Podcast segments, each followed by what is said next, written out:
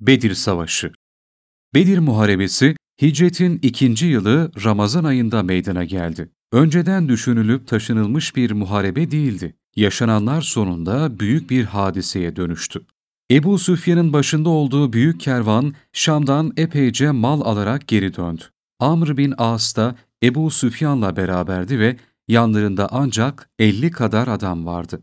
Öyle epeyce malla Şam'dan çıktıkları haber alınması üzerine Resul-i Ekrem sallallahu aleyhi ve sellem o malları ganimet olarak ele geçirmeleri için ashabı heveslendirdi. Kervanın durumunu anlamak üzere Talha bin Ubeydullah'la Said bin Zeyd radıyallahu anh'ı Şam tarafına gönderdi. Sonra Resul-i Ekrem Ramazan başlarında Medine'den çıkıp Revha denen yere vardı ve orada ordusunu teftiş etti. Ufak çocukları, hasta ve sakat olanları geri çevirdi. İbni Ümmü Mektum radıyallahu anh, Peygamberin mescidinde imamlığa memur olarak Medine'de kalmış ve Ebu Lübabetül Ensari, Medine'nin korunması için vekil bırakılmıştı. İslam askerleri 305 kişiydi. 64'ü muhacirlerden, geri kalanı ise ensardandı. İçlerinde yalnız üç kişi adlıydı ki Miktat bin Esved, Zübeyir bin Avam ve Merset Ganevi'ydi. Yanlarında 70 deve olup sırayla binerlerdi. Hatta Resul-i Ekrem'le Hz. Ali ve Zeyd bin Harise radıyallahu anh için bir deve olup üçü sırayla binerdi. Muhacirlerin beyaz sancağını Musab bin Umeyr çekiyordu. Ensarında iki sancağı olup biri Hazreç kabilesine, diğeri Evs kabilesine aitti. Sonraları dünyanın meşhur kıtalarında zafer bayrakları açıp da alemi titreten İslam'ın birinci ordusu işte budur. Resul Ekrem'in kervan üzerine hareketini Ebu Süfyan önceden haber alarak Damdam bin Amr el-Gıfari'yi haberci olmak üzere ücretle tutup Mekke'ye göndermiş ve o da süratli bir şekilde Mekke'ye varıp Kureyş'i telaşa düşürmüştü. Ebu Süfyan ise o şekilde Mekke'ye haberci göndermekle beraber kıyı yolundan büyük bir süratle hareket ederek Müslümanların Medine'den çıktığı sırada o da kervanla Bedir yakınından uzaklaşıp gidiyordu. Kısa süre sonra Ebu Süfyan'ın habercisi yani Damdam el-Gıfari Mekke'ye gelip ''Ey Kureyş, çabuk yetişiniz. Yoksa Şam kervanı Muhammed'in eline düşer ve bunca mallarınız elden gider diye bağırıp çağırıyordu ve herkes onun sesine doğru koşup gidiyordu. Onlar da bu haberin aslını anlamak merakına düştüler ve habercinin yanına doğru koştular. Bütün Kureyş büyükleri habercinin başına üşüştüler. Hemen Ebu Süfyan'a yardım etmek üzere halkı teşvike kalkıştılar. Bilhassa Ebu Cehil bütün Mekke halkını sefere katılmaya çağırıyor ve Süheyl bin Amr da halkın gayret ve hamiyet damarlarına dokunacak sözler sarf ediyordu. Sonunda Kureyş büyüklerinin hepsi hazırlandılar ve bütün dövüşçüleri ayağa kaldırdılar. Ebu Leheb'in Müslümanlar hakkında pek çok düşmanlığı olduğu halde kendisi gitmeye cesaret edemeyerek yerine birini tutup göndermeye karar verdi ve Ebu Cehil'in kardeşi As bin Hişam'ın zimmetinde olan 4000 dirhem alacağına karşılık onu kendi yerine tutup gönderdi. Bu sırada Utbe bin Rebiya ile kardeşi Şeybe'de geri kalmak istedilerse de yakalarını Ebu Cehil'in elinden kurtaramadılar. Kaldı ki Utbe'nin Ebu Süfyan'la aralarındaki akrabalığa bakarak ona yardım için koşmak zorundaydı. Ebu Süfyan'ın karısı olan meşhur Hint de Utbe'nin kızıydı. Zemzem dağıtma vazifesi ve Kabe'nin tamir işi Abbas'a ait olduğundan ona göre geri kalmak elinde değildi. Diğer Abdülmuttalib oğulları da ister istemez Kureyş ordusuyla birlikte gitmek zorunda kaldılar. Ebu Leheb'ten başka ne kadar Kureyş'in ileri gelenleri varsa hepsi büyük bir kalabalıkla Mekke'den çıkıp gittiler ve Ebu Süfyan'la Amr bin As'a yardım için büyük bir hızla yola çıktılar. Mekke'deki Kureyşliler bu orduda hepsi bir aradaydı. Yalnız Hz. Ömer'in radıyallahu anh kabilesi olan Adi oğulları birlikte değildiler. Bu ordu Mekke'den kalkıp da Bedir köyüne varıncaya kadar her konuk yerinde Ebu Cehil ve sonra Safvan bin Ümeyye, Süheyl bin Amr, Şeybe bin Rebiya, Utbe bin Rebiya, Kays bin Sababe, Abbas bin Abdülmuttalip, Ebul Bahteri sırayla onar veya dokuzar deve kesip Kureyş askerini doyurdular. Onlar Mekke'den kalkıp da Bedir'e gelirken Ebu Süfyan kıyıdan savuşup kervanı kurtarmış olduğundan ordunun geri dönmesi için haber göndermişti. Fakat Ebu Cehil'in kışkırtması üzerine Kureyşliler geri dönmeyip Müslümanlardan intikam almak üzere Bedir'e kadar gelmişlerdi. Ama Zühre oğullarından Übey bin Şerik, kervan kurtuldu, maksadımız gerçekleşti, artık geri dönmek lazım geldi diyerek Zühre oğullarından orduda bulunan kişilerle anlaşarak geceleyin ordudan çıkıp gitmişlerdi. Resul Ekrem Kureyş kervanının nerede olduğunu araştırmaktayken Safra mevkiine vardığında Mekke'den öyle bir ordu çıkmış olduğu haber alındı ve İslam ordusu güç bir durumda kaldı. Çünkü 50 kişiyle korunan bir kervanın üzerine gönderilmiş bir kalabalıkla iyi hazırlanmış öyle bir orduya karşı çıkmak güçtü. Halbuki kervanın peşine düşülse uygunsuz bir yerde Kureyş ordusuna rastlamak ihtimali vardı. Geri dönülmekse utanılacak bir şeydi. Resul-i Ekrem ashabını toplayarak düşüncelerini anlamak için onlara ''Ne dersiniz? Kervanın peşine mi düşmek istersiniz yoksa Kureyş ordusuna karşı çıkmak suretini mi tercih edersiniz? Hele bu ikisinden birini Yüce Allah bana vaat etmiştir diye buyurdu. Onlar da biz kervan niyetiyle çıktık. Eğer böyle büyük bir orduyla muharebe olunacağını bilseydik, daha hazırlıklı çıkardık diye cevap verdiler ve kervan tarafına meyil gösterdiler. Resul Ekrem onların bu cevabından alındı. Fakat Hz. Ebu Bekir, Hz. Peygamber'in gönlünü alacak sözler söyledi. Hz. Ömer de onu doğruladı. Bunun üzerine Miktat bin Esvet radıyallahu anh meydana çıkıp, ''Ey Allah'ın elçisi! Allah'ın emri neyse biz ona uyarız ve herhalde seninle beraberiz. Allah'a yemin ederim ki dünyanın neresine gitsen seninle beraber gideriz dedi. Resul-i Ekrem Miktad'ın radıyallahu anh bu sözlerine pek ziyade memnun oldu. Fakat Ensar evvelce Akabe'de biat ettikleri zaman Resul-i Ekrem kendi şehirlerine gelirse onu eş ve çocukları gibi her şeyden esirgeyip sakınacaklarına söz vermişlerse de Medine dışında muharebe edeceklerine dair sözleşmeleri olmadığından onların fikirleri sorulmak lazım gelmekle onlara dönerek sizler de bir fikir veriniz diye buyurdu. Ensar tarafından Sa'd bin Muaz, ey Allah'ın elçisi bizleri mi murat buyuruyorsunuz diye sordu. Resul, evet diye buyurdu. Sa'd bin Muaz, ey Allah'ın elçisi biz sana inandık. Allah tarafından getirdiğin şeyler hak olduğunu kabul ettik ve inandık ve sana itaat edip uymak üzere söz verdik, yemin ettik.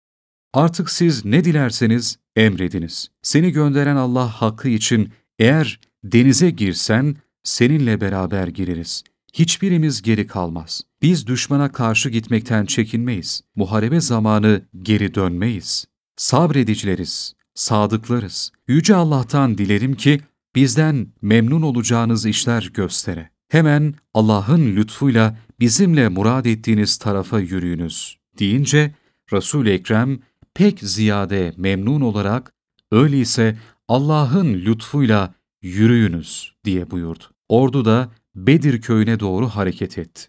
Resul Ekrem size müjdelerim ki Yüce Allah bana iki topluluktan birini vaat etti. Allah'a yemin ederim ki ben sanki Kureyş kavminin düşüp telef olacakları yerlere bakıyorum diye buyurdu. İslam ordusu Bedir'e yakın yere vardı ve kumluk bir sahada ordugah kurdu ki yürürken insanların ve hayvanların ayakları kayardı. Yüce Allah o gece Kureyş ordusunun içine bir korku düşürdü ve Müslümanlara tatlı bir uyku verdi. Kureyşlilerin Müslümanlara göre kuvvetleri kat kat fazlayken onlar telaş ve endişe üzere olup Müslümanlarsa emniyet üzere uyudu. Ertesi gün Ramazan'ın 17. Cuma günüydü. Sabahleyin yağmurlar yağdı, seller aktı. Müslümanlar suya kandı. Bazılarının kalbindeki endişeler yok oldu. Yerler sertleşip yürüyüş kolaylaştı. Hubab bin Münzir'in rey ve tedbiri üzere ordunun yeri değiştirildi. Bedir köyünün en nihayetindeki kuyusu önünde ordu yerleştirildi ve yanında Müslümanlar için büyük bir havuz yapıldı ve suyla dolduruldu. Diğer kuyuların üzeri kapatıldı. Böylece Kureyş ordusu susuz kaldı. Sa'd bin Muaz Allah'ın elçisi için hurma dallarından bir çadır gölgelik yaptırdı. Resulullah hicret yoldaşı Hazreti Ebu Bekir'le birlikte o çadırın altına girdi. Sa'd bin Muaz radıyallahu anh da kılıcını takınıp Ensardan birkaç kişiyle birlikte çadırın kapısında beklerdi. İşte o sırada Kureyş ordusu meydana çıkıp göründü. Müşrikler zırhlara bürünmüş oldukları halde ileri yürüdüler. Bunların sayısı bin kadar olup içlerinde yüz atlı ve yedi yüz develi vardı. Sayıca Müslümanların üç katı olup silah ve malzemece kuvvetleri kat kat fazlaydı. Üç bayrakları vardı. Müslümanlar da onlara karşı saf olup durdu. Fakat ne garip bir manzaraydı ki Ebu Aziz bin Umeyr, Kureyş ordusunun birinci bayraktarı, kardeşi Musab bin Umeyr, muhacirlerin sancaktarıydı. Kureyş ordusunun diğer eşrafı ve reisleri de muhacirlerin çoğu uzak yakın hep birbirinin akrabasıydı. Araplar sırf ırk ve soy gayretiyle çarpışırlarken böyle kavim ve kabileden olan birçok halkın iki grup olup da birbirine karşı saf bağlayıp durmaları Kureyşlilerin çoğunu kararsızlığa düşürdü. Bilhassa Abdülmuttalib oğullarının harbe girişmeleri sırf diğer Kureyş ulularının zoruylaydı. Halbuki karşılarında kardeş, amca ve dayı çocuklarını görür görmez kendilerine kararsızlık ve şaşkınlık geldi. Ebu Cehil ise durmadan halkı harbe kışkırtıyor ve halkın gayret ve hamiyet damarlarına dokunacak sözler sarf ediyordu. Hatta o gün atını mahmuzlayıp harp safından ileri çıkarak bizler tek bir vücut gibi bir kalabalığız. Üzerine varılmaz ve yenilmez bir topluluğuz. Biz bugün Muhammed'den ve arkadaşlarından öc alacağız derdi. Üstün geleceğine asla şüphe etmiyordu. Hakikaten İslam ordusuna göre Kureyş ordusunun maddi kuvveti kat kat fazlaydı ama Müslümanların manevi kuvveti çok yüksekti. Kureyş ordusunda çarpışmak istemeyenler çoktu ve kendilerine ırk ve soy gayretinden başka can verdirecek bir şey yoktu. Müslümanlarsa din gayretini her şeyden üstün tutarak hepsi İslam birliği etrafında kenetlenmişlerdi. Şehit olduklarında gidecekleri yeri görür gibi bildiklerinden onlarca şehit olmaktan daha kıymetli bir devlet ve saadet yoktu. İki ordu karşılıklı saf düzeni aldı. Batlı Nahle'de Abdullah bin Caş olayında ölen Amr'ın kardeşi Amir bin Hadrami de Ebu Cehil'in öğretmesi ve kışkırtmasıyla meydana çıkıp kardeşinin ismini anarak feryat etti. Aklınca kardeşinin kanını almak üzere İslam saflarına doğru ok attı. Amir'in oku Hz. Ömer'in azatlısı olan Mihca'ya isabet etti ve şehit oldu. O zaman Resul Ekrem Mihca şehitlerin efendisidir buyurdu. İşte İslam ordusunda ilk önce yaralanıp şehit olan budur. O asırlarda iki taraf muharebeye girişmezden önce birer ikişer meydana çıkarak dövüşmeleri adetti. Buna mübareze ve dövüşenlere de mübariz denilirdi. Resul-i Ekrem meydana çıkıp Müslümanların saflarını düzeltti. Bazıları saftan dışarı durmakla mübarek elindeki asayla hafifçe dokunarak sırasına getirdi ve ben emretmedikçe düşman üzerine hücum etmeyiniz. Fakat tam ok menziline geldiklerinde ok atınız diye emretti. Utbe bin Rebiya ise halkın gözünde küçük düştüğünden itibarını kurtarmak için ileri atıldı ve hemen bir tarafına kardeşi Şeybe'yi ve diğer tarafına oğlu Velid'i aldı ve meydana çıkıp mübariz istedi. Yani birebir çarpışacak bir yiğit istedi. Necar oğullarından Afra adlı hatunun yedi oğlu vardı. Yedisi de Bedir'de hazırdılar. Onlardan ikisi yani Afla Muaz adlarındaki gençler ve yine Hazreç kabilesinden Abdullah bin Revaha onlara karşı çıktılar. Utbe ve Şeybe Ensarla mübazereyi küçümseyip, ''Ey Muhammed, bize dengimiz ve akranımız olan amcamız oğullarını gönder.'' diye bağırdılar. resul Ekrem de, ''Kalk ey Ubeyde, kalk ey Hamza, kalk ey Ali.'' diye buyurdular. Üçü de kalkıp Ubeyde bin Haris Utbe'ye, Hamza Şeybe'ye, Ali ise Velid'e karşı gittiler. O zaman Ubeyde 63 ve Hamza 58 ve Ali 21 yaşlarındaydı. Her biri yaşça karşısındaki hasmının dengiydi. Hepsi de Arap'ın en ileri gelen bahadırlarındandı. Bilhassa Hazreti Hamza Allah'ın heybetli bir arslanıydı. Hazreti Ali gerçi şimdiye kadar böyle büyük çarpışmalarda bulunmamıştı ama onun da bir arslan yavrusu olduğu yüzünden belliydi. Üçü de mübareze meydanına çıktı. Adet üzere isim ve şöhretlerini söylediler. Utbe, Şeybe ve Velid de tamam dengimiz ve akranımızsın, buyurunuz dediler ve hepsi birden kılıçlarını çektiler. Hz. Ubeyde ile Utbe birbirine bir iki hamle yaptılar. İki ihtiyar birbirini yaraladıysa da birisi ötekinin işini tamamlayamadı. Hz. Hamza ve Ali ise birer hamlede hasımlarını öldürdüler ve dönüp Ubeyde'ye yardım ederek Utbe'nin de işini bitirdiler ve Ubeyde'yi alıp Hazreti Peygamber'in yanına getirdiler. Ubeyde ayağındaki kılıç yarasıyla kanları akarak Hazreti Peygamber'in yanına gelince, ''Ey Allah'ın elçisi, ben şehit miyim?'' diye sordu. resul Ekrem, ''Evet'' diye cevap verdi ve yerinin Firdevs cenneti olduğunu müjdeledi. Bunun üzerine Ubeyde memnun ve sevinçli olarak İslam dini uğrunda ayağının kesilmesinden dolayı asla kaygılanmayacağına dair güzel ve dokunaklı şiirler söyledi. Fakat yarası ağır olduğundan üç gün sonra Medine'ye götürülürken yolda cennete kavuştu. İki taraf ilerlemeye ve birbirine yaklaşmaya başladı. Oklarsa iki taraftan durmadan işliyordu. resul Ekrem hicret yoldaşıyla birlikte çadırda bulunup ''Ya Rabbi, bana vaat ettiğin yardımı ver.'' diye içten yalvararak dua ve niyaz ederken kendisine hafifçe bir uyku geldi ve hemen gülümseyerek uyandı. ''Müjde ey Ebu Bekir, işte meleklerle Cebrail aleyhisselam yardıma geldi.'' diye buyurdu. Kureyş ordusu sarsılmış olduğu halde Hz. Peygamber hamle ve hücum için emir verdi. Her kim bugün düşmandan yüz çevirmeyip de direnir ve şehit olarak ölürse Yüce Allah elbette onu cennete koyacaktır. Bugün şehit olanlara Firdevs cenneti hazırdır ve onların gelişini cennetin kapıcısı olan büyük melek Rıdvan beklemektedir şeklinde hem doğru hem de dokunaklı sözlerle arkadaşlarını coşturarak haydi şiddetle hücum ediniz diye buyurdu.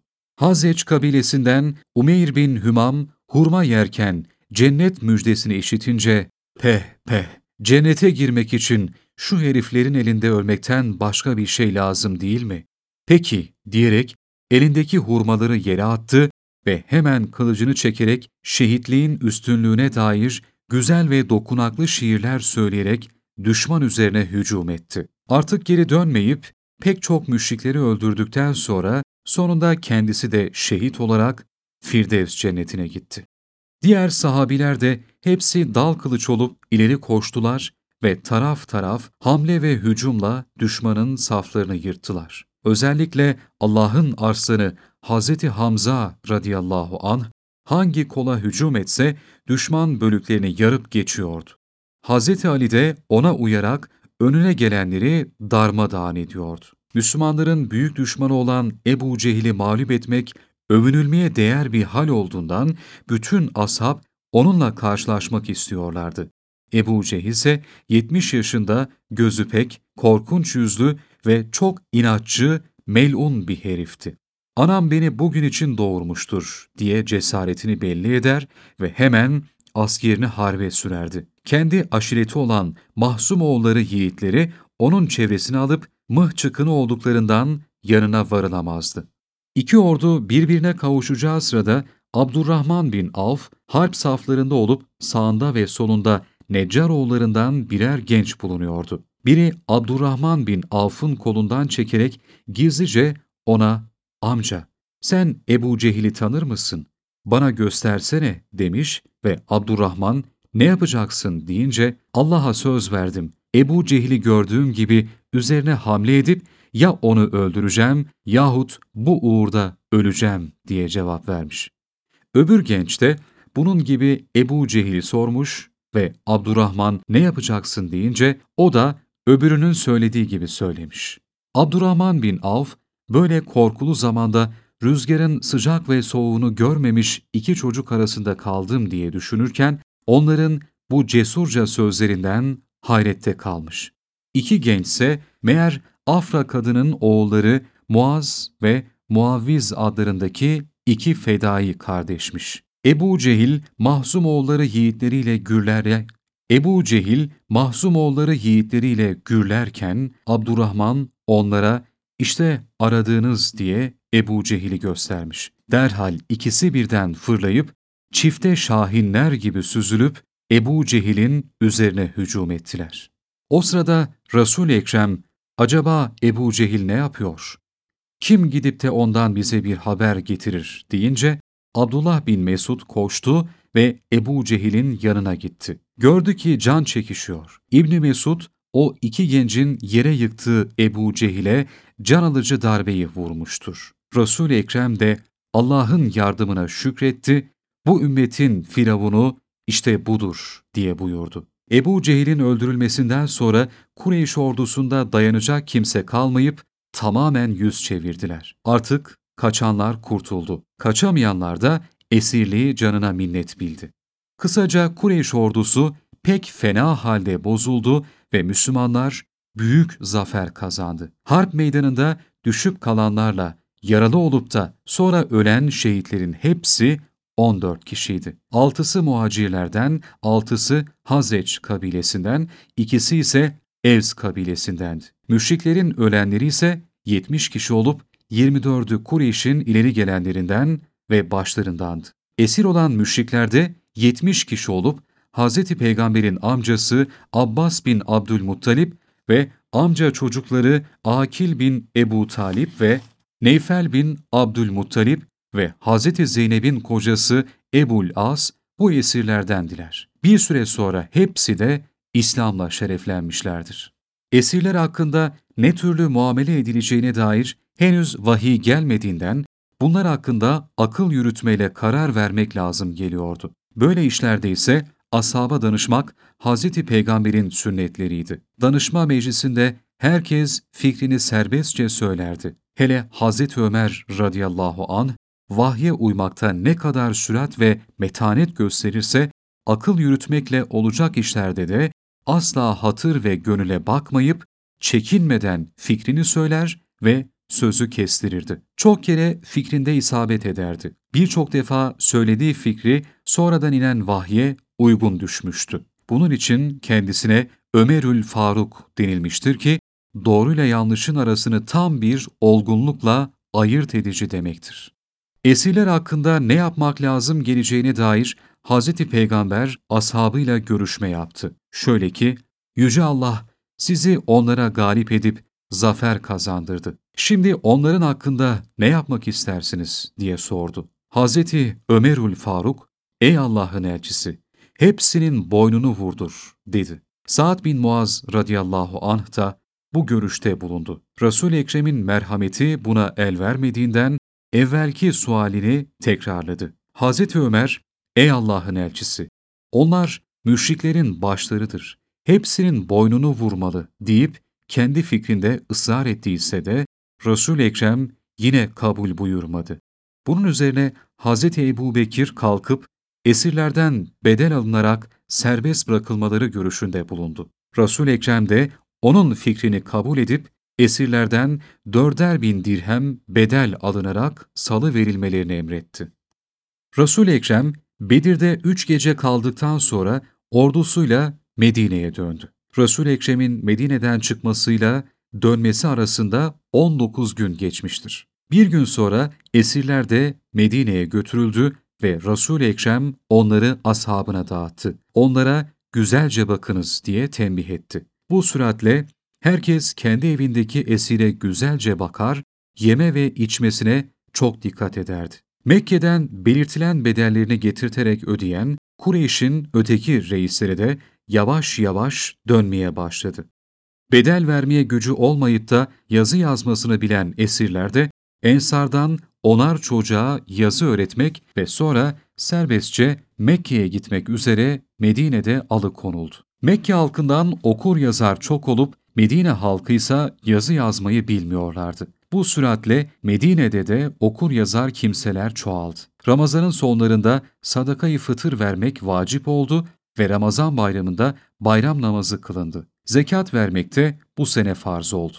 Bedir Savaşı'ndan sonra savaşa katılmayan Ebu Leheb, gam ve kederinden ağır hasta oldu ve bir hafta sonra ceza yeri olan ahirete gitti. Diğer Kureyşliler de Mekke'de bir ay kadar Bedir'de ölen reislerin matemini tuttular. Resul-i Ekrem ise Bedir'den zafer kazanmış olarak döndükten sonra İslam dini pek çok kuvvetlendi ve bütün düşmanların gözleri yıldı. Hz. Peygamber'in hicretinden sonra Yahudiler Resul-i Ekrem'le harp etmemek ve onun düşmanlarını cenge kışkırtmamak üzere anlaşmışlardı. Medine taraflarındaki Yahudiler, gerçi başlıca Kurayza ve Nadir diye iki kabileden meydana geliyordu. Ancak bunlardan başka Beni Kaynuka denen bir kabile vardı ki Medine'nin Aliye bölgesinde Cısri Buthan denilen yerde yaşıyorlardı.